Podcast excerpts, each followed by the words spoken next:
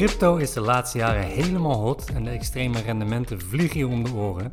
Maar het is natuurlijk niet allemaal roze geur maneschijn in de wereld van het crypto beleggen. Zonder een goede strategie kan het namelijk ook goed misgaan en kan je een hoop geld verliezen. Nou, wij zitten zelf al ruim 4,5 jaar in crypto en hebben door de jaren heen hoge stijgingen en flinke dalingen meegemaakt. Hierdoor hebben we inmiddels een goed beeld van waar je op moet letten, wat goed werkt en wat ook juist niet slim is om te doen. In deze aflevering willen we een aantal fouten met je delen waar veel mensen zich schuldig aan maken. En uiteraard delen we ook een aantal tips met je wat je dan beter wel kan doen. Dus Terinda, vertel, wat is de eerste veelgemaakte fout van mensen? De eerste fout is strategieën van anderen overnemen. Wat we veel om ons heen zien en wat we ook online zien, is dat mensen de aanpak of ja, soms zelfs de hele portefeuille kopiëren van mensen die al jaren in crypto zitten en die daar hoog rendement mee hebben behaald. Maar wat toen werkte, werkt niet per se nu ook nog. En dat zij toen succes hebben behaald, betekent niet dat ze ook anderen aan succes kunnen helpen. Want zeker als je al, nou ja, zeg vijf, zes jaar geleden in crypto zat, dan had je niet per se hele grote of hele goede strategieën nodig om grote winsten te hoeven pakken. Er, was, er is zo'n stijging geweest de afgelopen jaren. Ja, ik denk dat je het, uh, het beste voorbeeld daarin is bijvoorbeeld Bitcoin. Bitcoin van een paar cent naar uh, eh, 20.000, uiteindelijk 69.000 is gegaan. Ja, dat zijn uh, extreme rendementen. En als je kijkt naar de afgelopen 10 jaar, heeft Bitcoin volgens mij gemiddeld jaarlijks gezien 125% rendement gemaakt. Dus dat betekent dat het ene jaar zijn er, is er paar duizend rendement, uh, paar duizend procent rendement geweest. Andere jaar 50% naar beneden, maar gemiddeld gezien 125%. En kijk, je kan ook niet verwachten dat Bitcoin de aankomende 10 jaar elk jaar gemiddeld gezien weer 125% gaat halen. Dat is gewoon niet realistisch. Nee, ergens houdt dat op of, of vlakt het af. Precies. Ja. En daar moet je gewoon rekening mee houden op het moment dat je zegt van nou, ik, ik volg deze persoon of ik volg de strategie van deze persoon. Uh, in het verleden heeft dat goed gewerkt. Uh, dus ja, grote kans dat het in de toekomst ook gaat gebeuren. Maar het enige wat je zeker weet, wat je 100% zeker weet, is dat je de run-up, dus die hele omhooggaande beweging al hebt gemist. Dat weet je 100% zeker. En wat je niet 100% zeker weet, is of die diezelfde run-up nog een keer gaat maken. Nee, en degene die dus al jarenlang in bepaalde crypto's zit, die kan ook wel een daling aan. Ja, Want precies. die staan misschien honderden of duizenden procenten in de plus. Ja, of die, hebben al flinke winsten gepakt, waardoor het allemaal niet zo erg meer is als ze een klein verlies pakken of Ook iets. dat. Kijk, mensen die vroeg in crypto zaten en een gemiddeld lage, uh, of een gemiddelde prijs hebben die vrij laag is, daardoor. Ja, als jij op uh, 3000 uh, bitcoin hebt gekocht en nu staat die op 20.000, ja, dan is het voor jou minder spannend als die nu wat verder daalt dan wanneer jij op 30.000 bent ingestapt en nu staat die al uh, zoveel procent lager. Ja. ja, en als je dan ook kijkt naar onze eigen ervaring hiermee, in de zin van dat wij zaten in Dogecoin in 2018 en dat was um, ja, gewoon een speculatieve coin. Er was toen een hype dat hij naar de 1 dollar zou kunnen gaan. En wij kochten hem echt ja, iets van 0,0034 cent. In ieder geval echt uh, toen hij nog heel laag stond. En we dachten, ja, al komt hij maar een beetje in de buurt van die dollar... dan kunnen wij al zulke flinke winsten meepakken. Dus we gaan dit gewoon, uh, we gaan gewoon een gokje wagen. Dat was eigenlijk ons idee toen. En begin vorig jaar, begin 2021, heeft hij een hele flinke stijging gepakt inderdaad richting die 1 dollar ongeveer 70 cent was het denk ik hè? Ja, ik denk 60, dat, 70 cent. Ja, dollar cent. Ja, waardoor wij uiteindelijk iets van 160, 165.000 euro hebben verdiend met die crypto. Maar wij zouden nu absoluut aan niemand aanraden om in Dogecoin te gaan. Nee. En dat was toen, toen wij instapten, was dat best een, een goed idee. Uh, of nou ja, goed idee. Het was, het was speculatief. Maar kon je er nog wel een soort van een case van maken? Maar nu is de situatie zo anders en, en dat vergeten mensen. Mensen kunnen dan heel makkelijk kijken van... oh, jullie hebben met Dogecoin 165.000 euro verdiend. Oh, misschien moet ik ook in Dogecoin zitten. Maar de tijden zijn anders. En dat, dat heeft heel veel impact op je strategie. Ja, maar ik denk dat je daar al een heel belangrijk punt aan snijdt. Dat je hebt nagedacht over de reden waarom jij in die crypto gaat. Dus een van de crypto's die we kochten was inderdaad Dogecoin, waarvan we wisten dat is een speculatieve coin. Daar gaan we niet all in op. Nee. Uh, ook al uh, ja, klonk het wel heel leuk uh, qua rendementen, maar dit is gewoon te veel risico. En daar moet je natuurlijk ook aan, denken als je een strategie van iemand anders gaat volgen. Past die strategie bij jouw risicoprofiel? Ja, en snap je überhaupt welke strategie erachter zit? Precies. Maar dat is het ook. Ik denk dat heel veel mensen ook gewoon... Die kijken dan naar mensen en die zeggen bijvoorbeeld... Nou, ik zit in deze drie coins. Ik heb hier hoge verwachtingen van. En mensen nemen dat klakkeloos over. Zonder verder na te denken. Ja. En die denken überhaupt niet eens na over een strategie. Nee. dat is natuurlijk al heel gevaarlijk. Ja, en het feit dat iemand langer in crypto belegt, wil niet zeggen dat die persoon beter weet wat eh, een specifieke crypto in de toekomst gaat doen. Nee. Nee, dat is wat ik eigenlijk in het begin zei. Van, je moet ook wel heel slecht het gespeeld hebben... wil je al vijf jaar in crypto zitten en nu niet En flink geen winst hebben. Ja. ja. Ja, en daarnaast denk ik ook dat het belangrijk is dat je rekening houdt met de beleggingshorizon van de strategie die je eventueel volgt. Want er zijn mensen die beleggen met een horizon van eh 1 tot 2 jaar, wat in crypto eh, vrij kort is, of eigenlijk met elke belegging kort. Ehm, maar dat is ook risicovoller, zeker met zulke volatiele koersen. Als jij een horizon hebt van 5 tot 10 jaar, ja, dan zijn dalingen op dit moment al een stuk minder spannend. Ik ben niet van plan om eh, de aankomende vijf jaar te verkopen, dus eh, die volatiliteit nu maakt me minder uit. Terwijl als jij een strategie volgt van iemand die in crypto zit, wat meer hype gedreven is, dus waar je echt meer op die korte termijn zit, ja, dan kan je zeggen, oké, daar hou ik die voor tien jaar aan. Ja, maar over tien jaar eh, is die hype al lang voorbij en krabbelt die crypto misschien nooit meer op.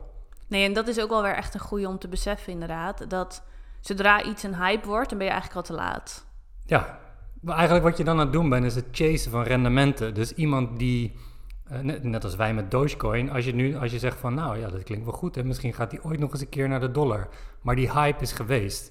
Kijk, ik wil niet zeggen dat Dogecoin alsnog eh, tientallen procenten omhoog kan gaan, of honderden. Ik sluit het niet uit. Het zou zomaar kunnen.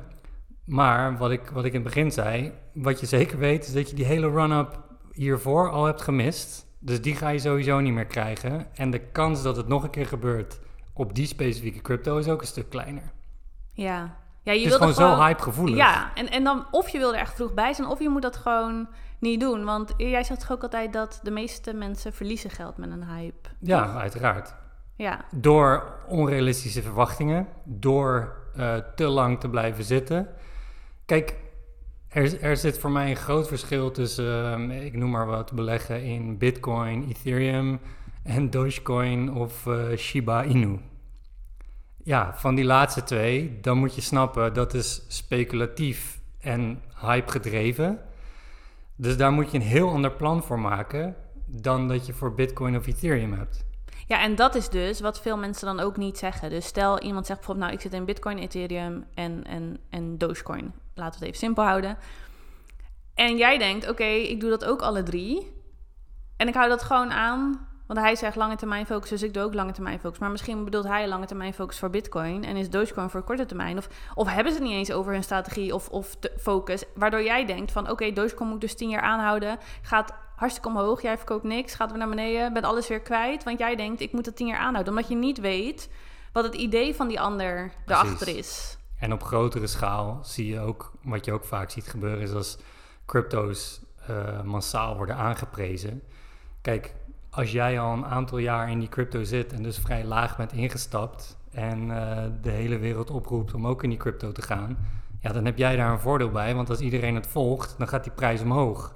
Ja. Dat is heel simpel, er komt meer vraag met een gelijkblijvend aanbod. Dus die prijs gaat omhoog, wat degene die dat aanprijst een voordeel kan geven, omdat die dan eh, kan verkopen op een hogere prijs.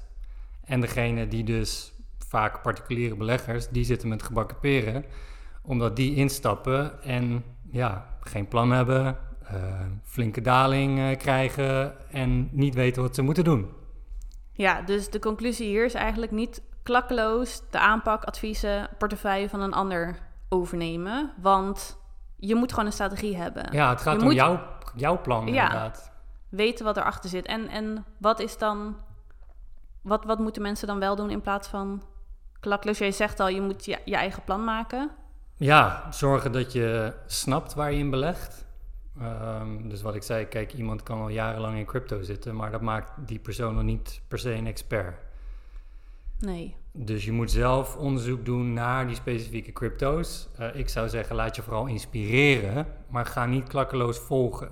Kijk, inspireren is goed. Misschien kom jij door de portefeuille van iemand anders wel op een specifieke crypto die enorm veel potentie heeft, waardoor je besluit om erin te stappen. Maar dat is een hele andere mindset dan wanneer je klakkeloos volgt. Ja, dan ga je dus eerst onderzoek doen om te kijken of het inderdaad iets goed is. In plaats van dat je denkt, oh, hij heeft ooit zoveel geld verdiend met crypto. Ja. Alles waar hij nu in stapt, dat zal wel goed zijn. Laat ik dat ook doen. Ja, dus niet blindelings kopiëren.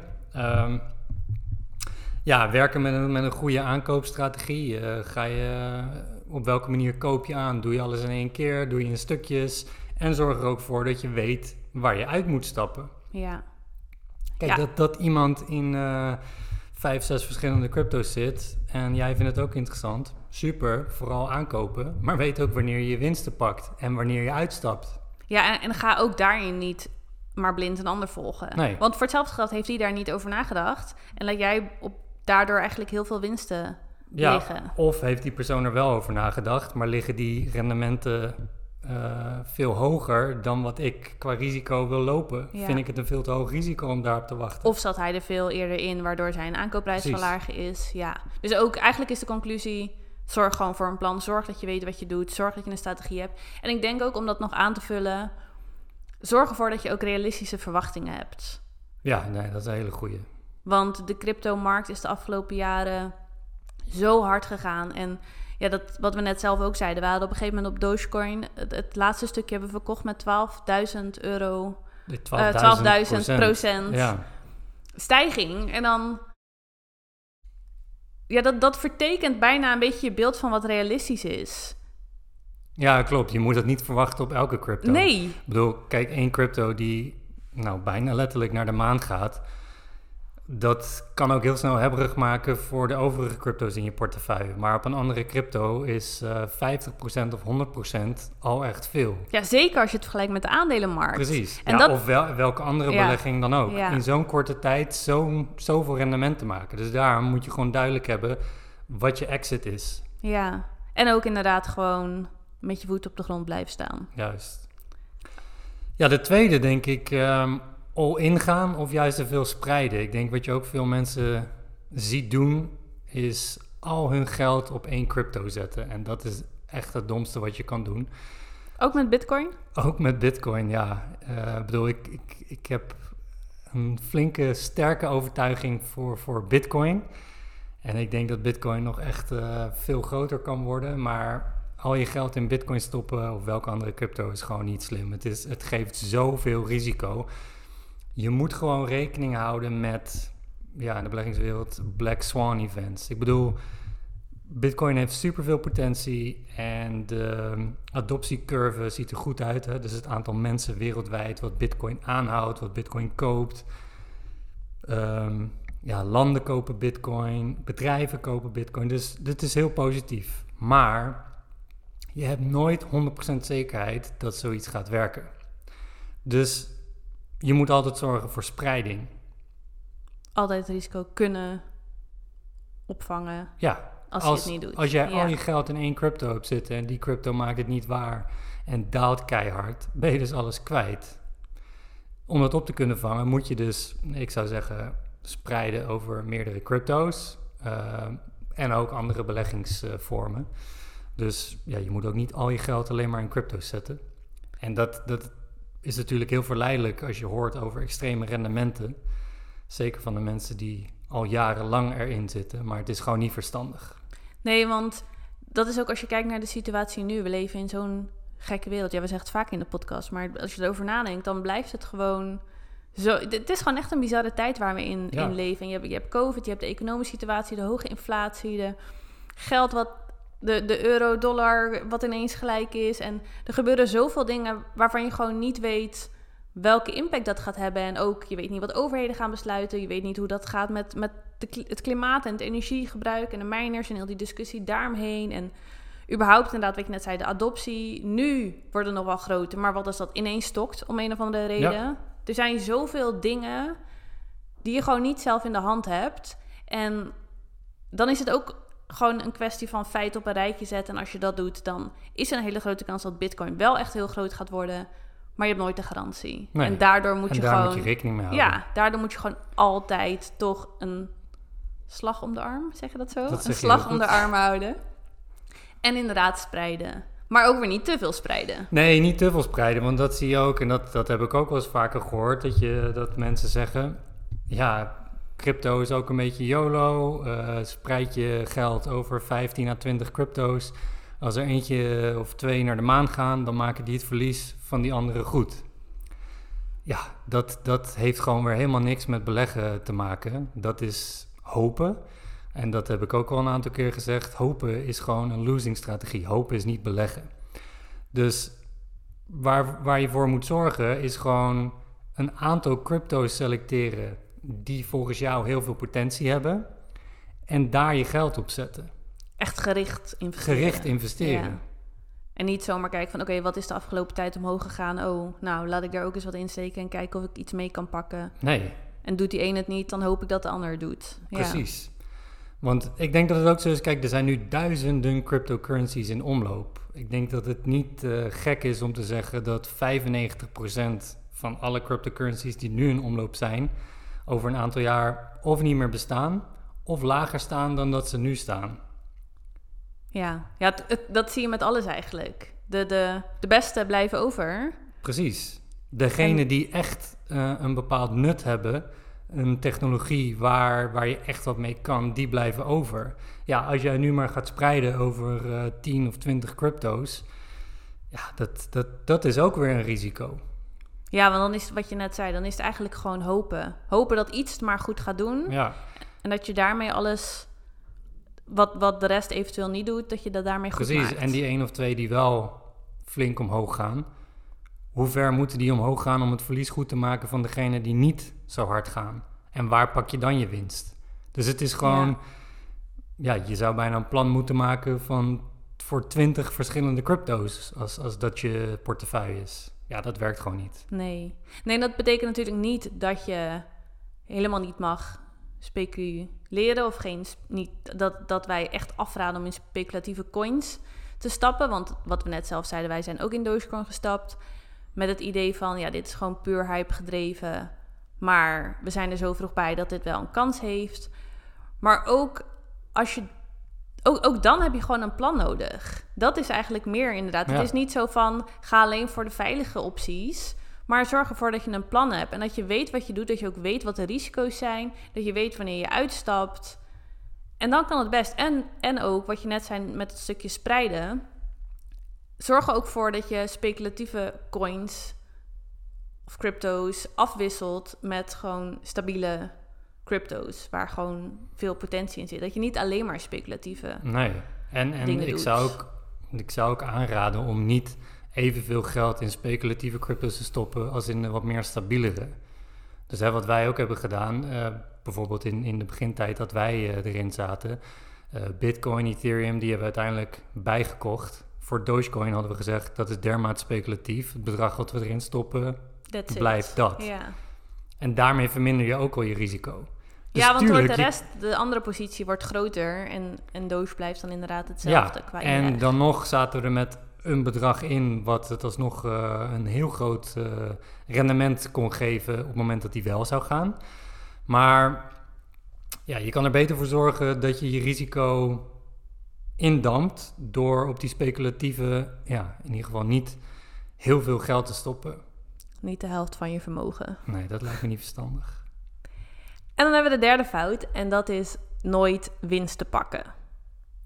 Ja, dat is echt uh, een beetje de, de hodl mindset die, uh, die je in crypto hebt. Hodl is een, uh, hoe zeg je dat, een, ver, een, verbastering of een... Een verbastering denk ik, of niet? Ik heb geen idee hoe je zoiets noemt. Ja, dus het komt van hold, dus aanhouden. En hodl wordt ook wel eens vertaald met hold on for dear life. Eigenlijk wil het zeggen dat ongeacht de daling die, uh, die er is in, uh, in crypto, of het nou 50, 60 of 90 procent is, je verkoopt je crypto's niet.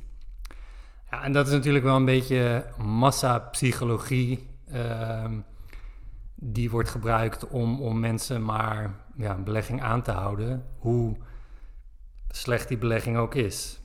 Dat is ook gewoon weer een, een losing strategie. Kijk, er zijn crypto's waarvoor je kan zeggen, nou die hou ik voor een langere tijd aan. En daar pas je, nou, tussen aanhalingstekens, hodl toe. Maar dat moet je niet voor alles doen. Nee. nee, daar zit dan het gevaar. Want inderdaad, soms als je een lange termijn strategie hebt, je wil ook natuurlijk niet dat mensen een soort het gaan traden of zo. En dan hopen dat je op de top verkoopt. Nee, En maar dan- de, de voorbeelden die we recent hebben gehad, bijvoorbeeld van Luna. Ja, Luna is in korte tijd eh, echt heel hard gestegen. Daarna bleek dat, eh, dat de technologie of het idee erachter toch niet zo eh ijzersterk was als werd gedacht. En die ging naar beneden. En niet zo'n beetje naar beneden, die is gewoon niks meer waard. Ja, als je daar nooit winst op hebt gepakt, dat is wel extreem zonde. Met het idee van, oh ja, gaat steeds meer naar beneden, koop wel bij, eh hoddel. Ja, dat werkt niet. En het is ook wel een verschil als je kijkt naar crypto's die naar beneden gaan doordat de algehele markt naar beneden gaat. Dus nu, nu zitten we bijvoorbeeld al eh, langere tijd in een bear market. Echt, eh, nou, crypto's zijn 70, 80 procent naar beneden. Hoe komt dat? Door de algehele markt. Eh, De door, door de situatie, de macro-economische situatie. Door, hè, al dat soort dingen. Dus daardoor gaan mensen verkopen. Maar dat heeft niks te maken met een specifieke crypto. Dus er is de laatste tijd geen nieuws naar buiten gekomen dat bijvoorbeeld eh, iets met de technologie van Bitcoin niet klopt, waardoor Bitcoin zou dalen. Nee, dat komt door de markt. Maar in het geval van Luna, ja, dat ging niet om de markt. Dat bleek eh, de technologie, de structuur van die crypto, die bleek niet te kloppen. En daardoor ging die naar beneden. Ja, en als je dan besluit aan te houden of erger nog, in dat geval bij te kopen, ja, dan probeer je eigenlijk een, eh, een vallend mes op te vangen. Dat is natuurlijk iets wat je nooit moet doen. Als er slecht nieuws naar buiten komt over specifieke crypto, ja, dan moet je niet gaan bijkopen hè, en waarschijnlijk ook niet gaan aanhouden. Ehm, want de kans dat je daar je geld nog uit gaat halen, die is vrij klein. Dus hoddel in specifieke situaties, zou ik zeggen. Ja, en in welke situaties dan wel? Nou, kijk, als jij een, een termijn hebt gesteld voor jezelf voor, voor een aantal crypto's, laten we zeggen Bitcoin. Voor Bitcoin hebben wij een lange termijn horizon. Ja. Dus over de aankomende 5 à 10 jaar verwacht ik dat Bitcoin eh, een stuk hoger staat dan dat hij nu staat. Hè? En dat, dat baseer ik op basis van de adoptiecurve, op allerlei eh, ontwikkelingen die er, nu, eh, die er nu aan de gang zijn. Eh, het geldprinten van, van centrale banken, et cetera. Dus daar hebben we gewoon heel duidelijk een case voor gemaakt voor onszelf. En ook voor een aantal andere crypto's. En daarvan zeggen we, oké, die houden we aan voor de langere termijn. Maar de wat meer speculatieve coins, zoals inderdaad Dogecoin eerder, maar ook een aantal van die metaverse eh, eh, crypto's, die eind vorig jaar kaart omhoog gingen na het nieuws van Facebook dat die zich op meta gingen richten. Ja, dat, dat is meer korte termijn. Daar, daar zou ik altijd aanraden om winst te gaan pakken. Dat, dat vind ik zo speculatief ten opzichte van een aantal andere crypto's. Dat, ja, dus voor mij zit er echt een verschil in de type crypto waarbij je, ja, als het hodl wil noemen, de hodl-strategie kan toepassen en waar niet.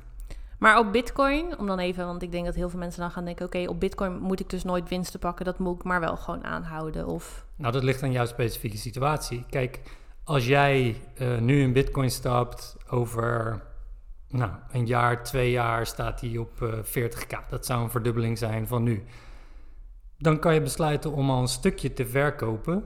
En om een beetje winst te pakken. Misschien je, je volledige inleg te pakken en de rest te laten gaan. Maar het is echt afhankelijk van jouw persoonlijke situatie. Wat is jouw persoonlijke beleggingshorizon? Die van mij, die van ons, is vrij lang. ja, Ik heb het geld eh de aankomende jaren niet nodig. Ik, eh, wij kunnen op dit moment zelfs bijkopen. Dus onze focus is lange termijn, een positie vergroten en dan over een x aantal jaar pas eh, kijken om te verkopen. Of stukjes verkopen. Of stukjes Ja. verkopen. Ja, want dat is natuurlijk ook hoe we dat met Dogecoin hebben gedaan. Die hebben we in de weg omhoog, hebben we in heel veel stukjes verkocht. Ja. Want ja, je kan wel denken van hij gaat naar de 1 dollar of hij komt in ieder geval in de buurt van die 1 dollar. Dus we gaan alles lekker aanhouden en dan uh, flink cash op het moment dat hij daar zit. Maar je hebt geen garanties. En op het moment dat je dan af en toe alvast wat winsten pakt, dan heb je in ieder geval je, uitleg, je, je inleg er bijvoorbeeld uit of een, een groot stuk winst gepakt. En zeker als je op een gegeven moment tientallen, honderden of ja, net als wij duizenden procenten in de plus staat, ja, dan ben je wel heel dom als je dat eigenlijk laat liggen. Als je daar niks mee doet, omdat je gewoon niet weet. Kijk, ik, als ik naar mezelf kijk met Dogecoin, ik ben dan heel. Um, jij noemde het heel naïef. Ik, ik heb dan een beetje zo'n mindset van, oh, maar hij kan nog hoger en hij kan nog hoger. En dan ga ik liever niet verkopen en dan hopen dat hij hoger gaat. Maar hopen is geen strategie. En jij bent dan wat meer van nee, we moeten alvast dingen veilig stellen. Want wat nou als hij weer helemaal naar beneden gaat en we zijn dit straks allemaal kwijt? Dan sla je jezelf ook voor je kop. Ja, kijk, het ding is, en zeker, en dat komt weer terug op het stukje hype. Heel veel in crypto is hype gedreven. Dogecoin is gewoon puur hype en speculatief. Dus wat je moet doen, je kan investeren in een hype, maar je moet nooit gaan geloven in een hype. Dus oké, Dogecoin had naar de 1 dollar kunnen gaan. En ja, we hadden dan eventueel hoger kunnen verkopen en veel meer winsten gehad dan dat we nu hadden gehad, als hij het had gedaan. Maar ja, je weet het nooit zeker. Dus je moet een plan hebben. Als deze crypto X doet, dan doe ik dat. En waar besluit je om alvast wat winst te pakken? Zeker als het gaat om grote bedragen, als het echt life-changing is dan, ja, dan, dan sla je zelf helemaal voor je kop als je nooit winsten pakt. Dus zorg ervoor dat je niet te veel in die hype gelooft. En daarnaast heeft het een bijkomend voordeel, als je in stukjes omhoog verkoopt, dat je ook je emoties beter onder controle hebt. Want je kan zeggen, oh ja, ik heb nu een paar duizend in crypto of een paar honderd in crypto. Uh, als het straks 10, 20 of ja, nog beter 100.000 euro is, dat doet emotioneel gezien hele andere dingen met je dan wanneer je nu naar je portefeuille kijkt. En daar moet je ook op voorbereiden. Die emoties zoveel mogelijk proberen uit te schakelen. Door alvast na te denken van waar ga ik verkopen? Waar pak ik wat winsten? Ja, zodat je geen emotionele keuzes maakt. Omdat emotionele keuzes die schoppen eigenlijk altijd je plan. Of dat zijn gewoon nooit de beste keuzes. Nee, maar wat je zegt, als je, als je al een stuk hebt verkocht. Waarbij je inleg of meer dan je inleg eruit haalt. Nou, dan heb je dus eigenlijk een risk-free belegging. Ja. Je loopt geen risico meer. Ja, het enige risico wat je loopt is dat, is dat je overige winsten verdampen. Maar je hebt er al op verdiend. Ja. Nou, en dat is emotioneel gezien, als, als die weer verder gaat stijgen, of in de tussentijd een beetje daalt en daarna weer opkomt, dat, dat, dat, ja, dat is veel prettiger om, uh, om in te zitten, die situatie, dan wanneer je helemaal nog geen winst hebt gepakt en maar hoopt dat die hoger gaat zonder een klein beetje van de winst hebben geproefd. Ja, want als wij dus hadden gewacht tot, tot Doge bijvoorbeeld naar de 1 dollar was gegaan, dan hadden we nu heel veel geld laten verdampen. Als we er echt nog niks uit hadden gehaald, dan had je nu echt heel erg gebaald en heel hard gehoopt dat hij het ooit nog een keer zou doen. En nu is het toch, kijk, al gaat hij nu nog een keer alsnog naar de dollar, nog een keer zo flink omhoog, ja, dan denk ik dat je ergens, uiteraard denk je dan ergens van, ah oh shit, we hebben, we hebben alsnog wel wat laten liggen. Maar je hebt van 2000 euro ruim anderhalve ton kunnen maken. Ja, nou, daar denk ik nooit van shit. Nee, eigenlijk ook niet. Nu ik dat zeg, denk ik, nee. ja, het is zoveel... Kijk, je kan beter een beetje winst pakken en achteraf dat hij dan verder stijgt. Dan dat je denkt, nou jammer, dan dat hij stijgt, je alles laat liggen en hij vervolgens weer op je aankoopprijs of zelfs te eronder gaat. Nee, precies. Maar in hindsight, dus terugkijkend op, ja, dan is iedereen een genie. Ja. Ja, als ik had geweten dat die uh, hoger zou gaan, ja, dan had ik aangehouden. Maar dat is het hele ding met beleggen. Je weet niet. Je weet het niet. Tot waar die gaat. Dus en zeker met zoiets volatiels als crypto. Ja, precies. Dan kan uh, een, een, dag kan een groot verschil maken in, uh, in, in winsten. Ja. Ja, en daar moet je dan inderdaad gewoon op voorbereiden door een exitplan te hebben, weten wanneer je winsten moet pakken en niet gewoon maar ergens instappen en ik kijk wel waar we uitkomen. Want dat maakt het en emotioneel en het zorgt er vaak gewoon voor dat je niet de slimste keuzes maakt en, en niet het meeste uit je belegging haalt. Ja. ja, en aanvullend hierop denk ik ook uh, een ander grote valkuil die veel mensen maken of zijn ingetrapt, is het panicellen. Ja, is eigenlijk de andere kant op. Ja, ja, eigenlijk wel ja. Dus dat mensen in paniek gaan verkopen als ze in het rood staan of als crypto ineens uh, tientallen procenten naar beneden duikt. Dan denk ik van oeh, ja, veiligstellen wat, ik, wat er nu nog staat, uh, ik verkoop maar. Ja. ja, en dat is natuurlijk ook niet slim, uh, zacht gezegd.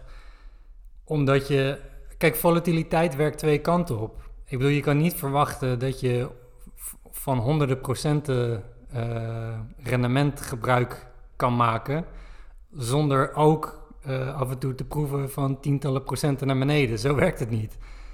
En ja, dat hoor je veel in crypto. Volatiliteit is gewoon de prijs die je betaalt voor hè, de, de potentiële de winsten. Ja, voor de potentiële winsten die je kan behalen. Dus voordat je in crypto gaat, of als je nu al in crypto zit, dan heb je recent al flinke dalingen meegemaakt. Maar dat is wat je moet beseffen je richt je. Crypto heeft de mogelijkheid, mogelijkheid om honderden procenten te stijgen. Ja, als jij dan niet kan wennen aan tientallen procenten naar beneden, dan is crypto geen goede belegging voor je. Nee. Dat moet je beseffen. Ja. Ja, maar dat was pas. Jij liet ook zo'n grafiek pas aan me zien. Van dat dan mensen, dan staan ze in de plus en dan gaan ze inderdaad geen winsten pakken. En dan staan ze in het rood en dan gaan ze ineens hun positie verkopen. Ja, het mooie is aan, de, aan crypto is dat je dus op de blockchain kan je, kan je per adres gewoon alles zien. Dus je kan zien wanneer iemand koopt, wanneer dat specifieke adres verkoopt, et cetera. Dus wat je heel veel, of wat, dat, wat die grafiek mooi liet zien, is dat mensen bijvoorbeeld op of rond de top kopen. En dan in de aankomende vijf jaar een groot aantal mensen na één of twee jaar uh, hun verlies pakken. Die denken van, ah, dit duurt me te lang, dit gaat nooit meer goed komen, verkopen. Uh, na drie tot vijf jaar, als die op of rond break-even zit, denk ik van, nou ja, ik kan er nu uit op break-even, heb ik in ieder geval geen verlies geleden, hup, verkopen.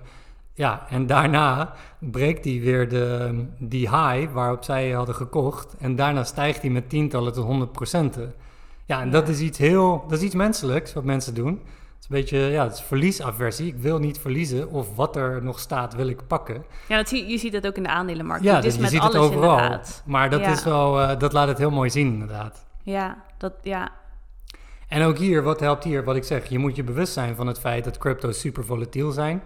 het heeft de potentie om kaart omhoog te gaan en dus ook naar beneden. Maar met een plan ben je daarop voorbereid. Ja. Dus als jij, wat ik net zeg, uh, in een crypto zit die door marktomstandigheden naar beneden gaat, niet doordat de technologie van die specifieke crypto niet meer werkt, dan is dat misschien een heel mooi aankoopmoment. Korting. Een korting inderdaad. Je kan je favoriete crypto, favoriete belegging met, met korting kopen. Hoe mooi is dat? Zo moet je het eigenlijk benaderen. Ja. En dan nog, wat ik net zei, als je beleggingshorizon 5 tot 10 jaar is, Oké, wat maakt het dan uit dat die het aankomende jaar of de aankomende twee jaar uh, met 20, 30 of 60 procent daalt? Als er onderliggend niks verandert aan die crypto. Nee, maar dat is dus, kijk, dat kan je makkelijk zeggen. Maar wij zijn daar inmiddels in gegroeid en wij hebben een duidelijk plan. En dan kan je zeggen, wat maakt het uit? Wij denken juist, mooie kans, we gaan bijkopen. Maar voor de meeste mensen maakt dat wel uit, omdat het gewoon emotioneel heel veel met je doet. Ja, dat is dus, waar. Dus dat is, daar, dat, daar zit gewoon het grote verschil. En heb je een plan of heb je geen plan? Want heb je geen plan, dan, dan gaan die, die volatiliteit, dat mest echt je, je emoties. Ja, dat gaat in je hoofd ja, zitten. Ja, dat gaat in je hoofd zitten. En dan wordt het, dan wordt het moeilijk, crypto. Ja. En dan kan je, de, om, om weer terug te komen naar het eerste punt, dan kan je wel iemand anders volgen. Maar als die wel een plan heeft en jij niet, dan is zijn aanpak, zijn emoties, alles is zo anders dan, dan jij, omdat je zelf geen controle voelt over je beleggingen. En op het moment dat je een plan hebt en weet wanneer je moet aankopen, weet welke horizon je hebt, weet wanneer je moet uitstappen, weet wanneer je winsten moet pakken, weet wat je moet doen als je naar beneden gaat. Als je dat allemaal hebt, dan haal je inderdaad gewoon die emotie eruit. En dan maakt, maakt het minder uit. Nee, precies. En daar moet je dus op voorbereid zijn. Ja. Nou, ik denk dat we hiermee aan het einde zijn gekomen van deze aflevering.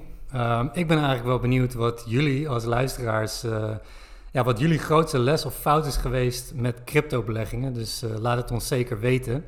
Ja, misschien zit je überhaupt nog helemaal niet in crypto en ben je inderdaad juist bang om dit soort fouten te maken. Of weet je überhaupt gewoon niet hoe je dan een plan maakt, wanneer moet je dan inkopen, waar moet je überhaupt in investeren als je naar crypto kijkt.